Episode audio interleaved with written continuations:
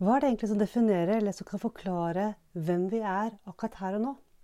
Jeg er Ragnhild Hannesjøk Vea, og jeg snakker ofte om deg og din unike nettside Deg på nett, men vel så mye om livet hvitt imellom. Og som jeg har sagt mange ganger før også, men jeg gjentar det gjerne, det er det at det, det er ikke så lett, eller kanskje ikke noe meningen, eller i hele tatt mulig, hvis man skal være autentisk, å totalt skille deg på nett, deg i business, deg i din bedrift og deg ellers. Fordi når du har din egen bedrift, og jeg snakker ikke om når du er ansatt i et stort selskap eller nødvendigvis driver et stort selskap, men når du er deg og din bedrift, kanskje er det bare deg, eller du har noen få ansatte eller noen få samarbeidspartnere, så vil den du er, være i den bedriften. Den du er, vil prege den bedriftens kultur mye mer enn det du kanskje tenker at den gjør her og nå. Men tilbake til spørsmålet. En grunn til at det kom opp, den eh, det skyldes rett og slett et besøk hos tannlegen og alle mindre hyggelige ting. Eh, ikke fordi jeg sa det med sånn rutinekontroll, men dog. Eh, jeg må inn til innimellom. Vi alle må til tannlegen. Men det som er litt fascinerende i det tannlegekontoret jeg går til, er at eh, de har en del plakater med en del quotes, du, sitater. Og jeg tror de hentet fra Harry Potter. Nå er ikke jeg noen Harry Potter-kjenner, men jeg la merke til sitatet. Og jeg skal bare oversette det etter beste herinnelse, og slik jeg husker det, fordi budskapet i det ble sittende fast i meg. Du er den du er, ikke basert på det potensialet som ligger i deg, eller hva du kan. Du er den du er, basert på de du valg du har tatt. Og smak litt på den. Fordi um, jeg tenker litt på det her at det, er å skille altså, ok, For å ta et helt konkret eksempel. Det som jeg har både opplevd selv for min egen del, og som jeg også har hørt mange si eh, når vi står utenfor en, eh, si, en litt sånn krevende situasjon eller en utfordrende situasjon, i den forstand at det er noe vi ønsker å gjøre, men så tør vi ikke helt. Og det som jeg både kjenner igjen selv og hører folk si, det er at eh, jo, men jeg kan ikke fordi at jeg har ikke den kunnskapen. Jeg kan ikke fordi jeg vet ikke nok om det her. Jeg kan ikke fordi si eller så. Vi definerer den vi er, basert på hva vi kan eller ikke kan. Og så stopper vi der. Et annet eksempel er det at eh, det er lett å sitte i en god stol eller sofaen sent på kveld og bare drømme seg bort i det potensialet som ligger i deg eller bedriften din. Det å sitte og tenke stort og bare fabulere på alt som er mulig. Og vi trenger det. Misforstå meg rett. Vi trenger det. Det er en utrolig viktig del av prosessen. Så jeg, ikke, jeg, mener ikke å ta det bort. Det er mer det at hvis vi forblir der, hvis vi forblir å dyrke bare det potensialet som er, så sier det ingenting om hvor vi er. Eller hvor vi kommer til å være igjen om et år. Det som avgjør hvem du er, handler ikke om hva du kan, eller hva du potensielt sett kan lære deg. Det handler om de valgene du har tatt, og de valgene du tar fra og med nå. Og det er, eh, Dette er historier som du har hørt tusen ganger før, selvfølgelig, men av en eller annen grunn så trenger vi å høre noen ting igjen og igjen og igjen, fordi det er så si, Det er lett å forstå i, eh, mentalt. Det er lett å forstå som en sånn logisk greie. Det betyr ikke at det er lett å faktisk implementere det i eget liv. Men det er valgene det handler om. Og jeg tenkte litt på det når jeg, jeg satt i bilen her om dagen. Så tenkte jeg på det her med valg. At jeg tror noen ganger så misforstår vi dette med valg. Vi tenker at valg handler om gjøren. Altså det å velge å gjøre noe, eller velge å la være å gjøre noe. Eh, og litt sånn med det eksempelet jeg sa, at det, det å velge å ta inn i det og faktisk begynne å gjøre det som må til for å gjøre den til realitet, det er selvfølgelig noen valg. Men det er noen andre valg som vi kanskje glemmer innimellom. For de valgene som handler om å gjøre, der kan vi også finne lette unnskyldninger. Det kan være alt fra 'jeg kan ikke gjøre noe fordi jeg har ikke tid'. Tid er relativt, by the way, men det er en annen, en annen greie. Jeg kan ikke gjøre fordi akkurat nå så har jeg ikke penger. Jeg kan ikke gjøre for akkurat nå så har jeg noen andre prosjekter jeg må få gjort først. Jeg kan ikke gjøre akkurat nå fordi nå er jeg sliten. Jeg kan ikke gjøre akkurat nå fordi listen er lang. Eller jeg må gjøre det her først. Jeg må gjøre dette. Jeg må gjøre dette. Listen er lang. Og alt det handler om valg. Du kan velge å la være, og du kan velge å gjøre. Det kan vi det som er utfordrende er at det, vår logiske del av eh, si, hjernen, vår vane, vår eh, erfaring, veldig fort, og ikke minst frykt, som jeg har snakket om flere ganger, kan ofte komme i veien. Og komme med alle disse argumentene som gjør at vi lar være, eller gjør eh, litt i motsatt fall av hva vi kanskje hadde egentlig tenkt å gjøre eller være. Og så kommer dette i sitatet igjen. Fordi det handler igjen om hva slags valg vi gjør. Og valg handler om mer enn gjøren. Valg handler om tankene våre. Og den kan være litt tricky. Og jeg, jeg må innrømme at jeg hører innimellom at ja men, ja, men jeg er jo bare sånn, jeg har det bare sånn jeg, bop, bop, bop. Igjen, Vi spinner den samme historien i hodet vårt hele veien. Du kan nødvendigvis ikke gjøre noe med din økonomiske situasjon her og nå. Du kan ikke nødvendigvis gjøre noe med, med oppgaven du sitter på med jobben din akkurat nå. Men du kan gjøre det du og jeg kan gjøre. Det er å velge hvordan vi vil tenke rundt den situasjonen. Vi kan velge det. Og det som er med det, er at hvordan vi velger, skaper oss den virkeligheten som vi faktisk velger å ha. Og hvordan vi velger rundt tankene våre, vil også forme den vi er. Og Jeg vet ikke om du har tenkt over det en gang, men hvis ikke så ha et liten sånn tankeeksperiment eller et liten observasjonseksperiment. Og det er jo å begynne å legge merke til mennesker rundt deg. Det kan være um, perifere mennesker, selvfølgelig, folk du bare følger. Men det kan gjerne folk du har litt mer med å gjøre, fordi det er litt lettere å observere autentisk. Legg merke til hvordan de snakker om situasjoner de er i. Og hvordan måten de snakker ut situasjonen, skaper den situasjonen. Du vet hvordan noen mennesker aldri har nok tid. De har aldri nok tid uansett. Altså, de, kan, de kan ligge på stranda sant, hele dager og fortsatt komme stressende tilbake og fortelle de har så lite tid. Og glemme det faktum at de lå på stranda hele dagen. Litt søkt eksempel, men dog. Andre har alltid tid. Noen er alltid slitne. Det spiller ingen rolle hvis du hadde si, sammenlignet den persons liv med en annen persons liv. Den andre personen hadde 1001 million flere ting å gjøre. Så ville fortsatt den ene personen alltid føle seg mer sliten. Ikke fysisk fordi vedkommende har en sykdom eller noe som tilsier det, men fordi tankene spinner rundt. 'Jeg er så sliten, er så sliten, er så sliten, er så sliten'. Og så blir det virkeligheten. Og det valget om å tenke 'jeg er så sliten', skaper den personen. Så hva med deg og meg, da? For vi gjør akkurat det samme, vi òg. Og det er ubehagelig, det. Men vi gjør det, vi òg. Jeg gjør det, jeg òg. Vi tenker tanker som skaper situasjoner, og som skaper den du og jeg er. Så hva er det du har lett for å tenke på auto? En tanke som Selvfølgelig, Hvis du bare tenker den, så har du igjen da, alle disse argumentene for hvorfor det er sanne. Og du kan bekrefte tanken din med alle mulige situasjoner. Det er null problem. Det er ikke dit du skal. Dit du skal, er bare å observere og bli klar over at oi, her går jeg rundt og tenker en tanke på auto, og den skaper den personen jeg er. Ok? Og det er et valg. Og den er tricky. Fordi igjen, du må faktisk finte deg selv. Du må finte deg selv og si OK, men hallo, hvis jeg vil være en annen Nå snakker jeg ikke om vi vil være en annen sånn totalt, så nesten når du går inn for en rolle til en annen. Ikke den type være en annen.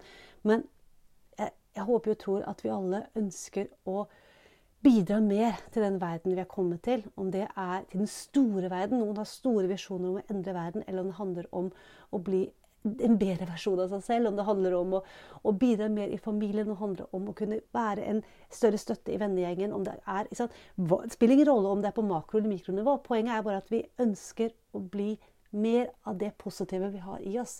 Potensialet. For vi har alle et enormt større potensial enn det vi tar i bruk. Det er det ingen tvil om. Og det igjen er å bare se på noen mennesker rundt deg. Hvordan du kan se mennesker og tenke Kjære venn, hvorfor gjør hun ikke bare sånn? Hun er jo så flink til det. Eller hvorfor tar hun ikke bare den jobben? Han kommer til å gjøre det kjempebra. Det er potensialet. Men det er ikke virkeligheten. Det som former, er de valgene vi tar. Og de valgene som vi virkelig kan ta kontroll på. Det er hva vi tenker. Og som jeg sa i stad, det er lettere sagt enn gjort. Men der ligger det en enorm makt. Og det ordet makt bruker jeg i beste mening. For når vi kan klare å bli oppmerksom på tanker som vi automatisk det er som en sånn der, jeg vet ikke, nesten som å sette på en sånn play-knapp. Sånn, jeg ser for meg sånn gammel Å, gud, du det? Sånne gamle kassettspillere.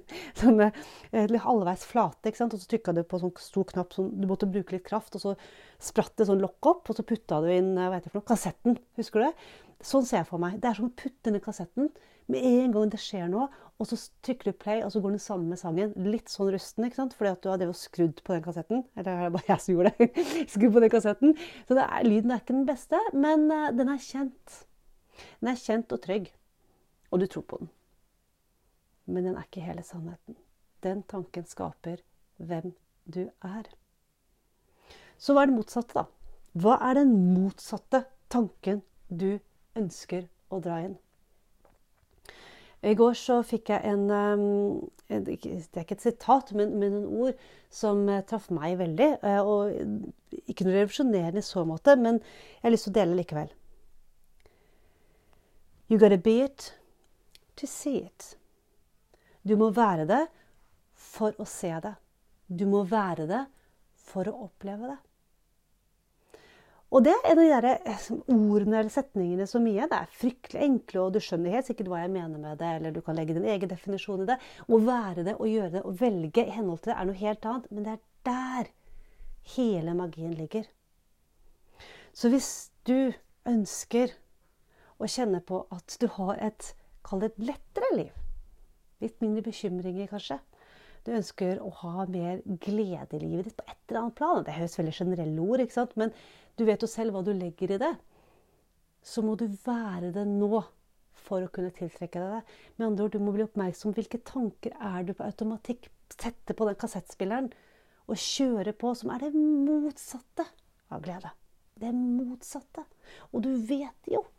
Men det er ikke, sikkert, det er ikke sikkert du er klar over det helt bevisst. Men hvis du blir bevisst, så kan du åpne den kassettspilleren, ta ut den kassetten, snu deg rundt 180 grader, finne fram helst noe sånn vet ikke, app på telefonen din. Et eller annet nymoderne. Jeg vet ikke hva. Jeg er utrolig dårlig på musikk, som merka jeg akkurat nå. Men noe som er det motsatte av den gamle kassettspilleren.